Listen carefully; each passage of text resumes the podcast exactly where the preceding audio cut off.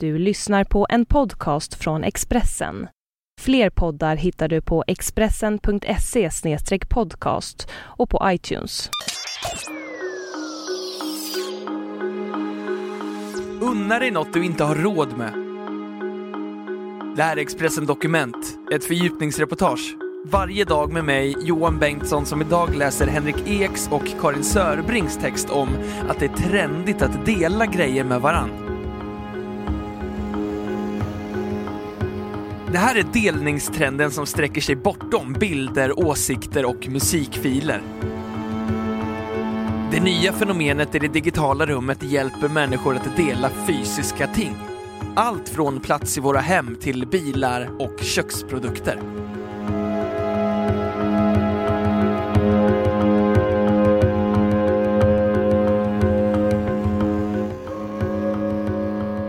Franzén och moderatorn Andrea Reuter, 34, kliver in i klädbiblioteket Lånegarderobens källarlokal i Midsommarkransen i Stockholm. Det är torsdag kväll och hon ska lämna tillbaka två rosa ylletröjor, den ena av märket Filippa K. Jag går på många tillställningar och står ofta på scenen. Därför behöver jag en stor garderob. Men jag måste inte äga allt jag har på mig. Jag vill värna om miljön. Och det här är dessutom billigare än att köpa nya saker som man kanske bara ska använda en gång, säger hon. Idag är Andrea Reuter på jakt efter något vårigt och somrigt att ha på sig på kommande jobbresor till Berlin och Amsterdam. Det är tre månader sedan hon gick med i lånegarderoben, som startades 2010 av kulturföreningen Kreativet, som idag har omkring 100 medlemmar. För 600 kronor får Andrea Reuter under sex månader låna med sig upp till tre plagg åt gången i max fyra veckor. Fenomenet med klädbibliotek har nu spridit sig till Umeå, Norrköping, Göteborg och Malmö. Vi drivs av att visa att det finns andra sätt att ha tillgång till fina kläder utan att äga dem ensam, säger kulturföreningens ordförande Emily Dahlström, 29, när hon visar runt bland de 700 märkes och vintageplaggen. Men så här inriktad på att dela har människan inte alltid varit. Det fanns en tid då det egna hemmet var ens borg. Där inne skulle vi ha allt för att vara så självständiga som möjligt. Det var på många sätt den amerikanska drömmen, som vissa skulle kalla materialism, där allt utgick från villan i förorten och de två bilarna. Det var det som dåvarande vicepresident Richard Nixon ville lansera för världen när han 1959 klippte det ceremoniella bandet till en amerikansk mässa i Sovjet. Han försökte inför pressen få Nikita Khrushchev att förstå storheten med tvättmaskinen, anpassad för varje hem. Det där var Molly Turners anekdot som hon använder för att visa hur attityderna förändrats. Hon är chef för public policy på bostadssajten Airbnb. Molly Turner menar att det var där någonstans som världen glömde bort hur man delar med sig.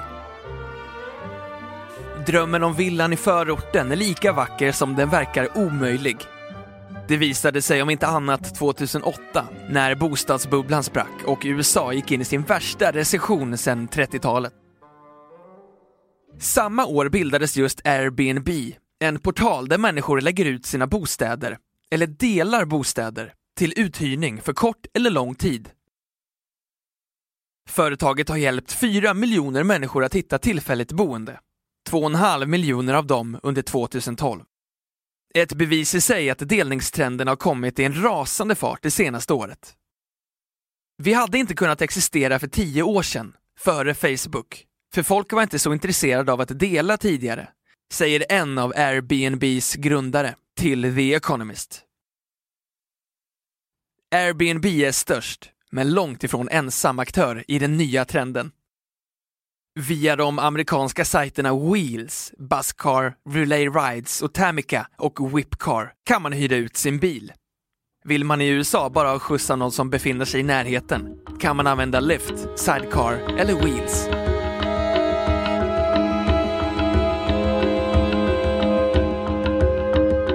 Expressen Dokument, en podcast från Expressen.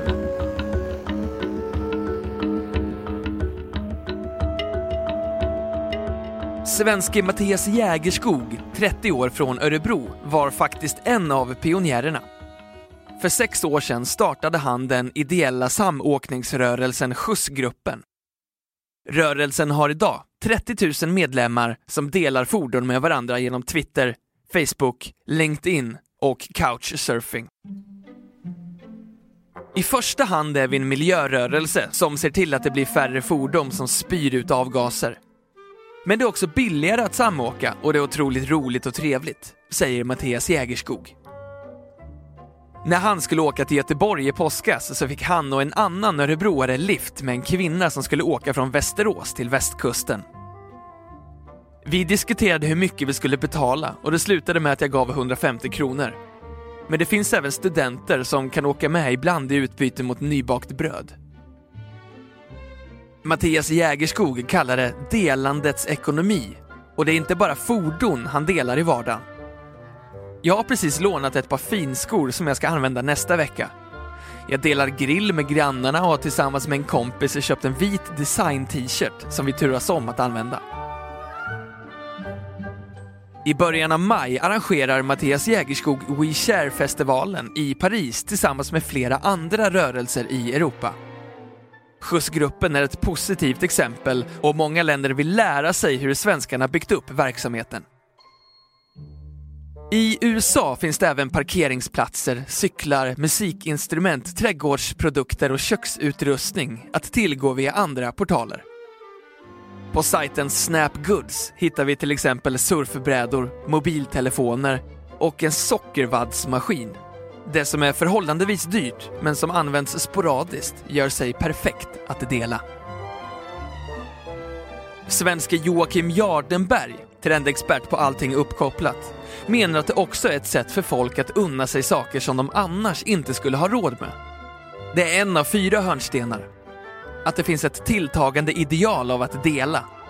Att man inte bara köper något till sig själv, utan köper det också för att kunna låna ut det till andra. Alla de här tjänsterna kommer ifrån laptopföretag. Allt sköts i molnet. Det är enkelt att kicka igång, säger Jardenberg. Sist men inte minst finns det ett ökat entreprenörskap och en vilja att göra affärer. Jag läste en artikel om några personer som i princip börjat försörja sig på att hyra ut sina ägodelar. Sin bil, ett rum i sin bostad, sin verktygslåda, säger han. De nya tjänsterna bygger på mun-till-mun marknadsföring via sociala medier. Men tjänsternas trovärdighet baseras även på användarnas vilja att dela med sig av sina åsikter. Framförallt om varandra. Det känns bättre att hyra ut sin lägenhet när gästen har goda referenser från tidigare hyresvärdar. Den som krockat med en lånebil kan få problem nästa gång han eller hon söker efter en bil. Och den som lämnat efter sig odiskade köksgrejer och så vidare. Anna Reuter har rekommenderat alla sina vänner att gå med i lånegarderoben och flera av dem har hakat på. Vi har även haft privata lånebytarfester där vi bytt jeans, klänningar och jackor. Jag tar ofta en bild på när jag använder det jag har bytt till mig, så får folk se att det kommer till användning. Det är väldigt socialt att dela, säger hon.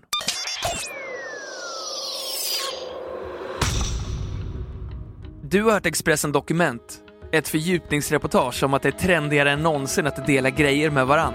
Av Henrik Ek och Karin Sörbring, som jag, Johan Bengtsson, har läst upp.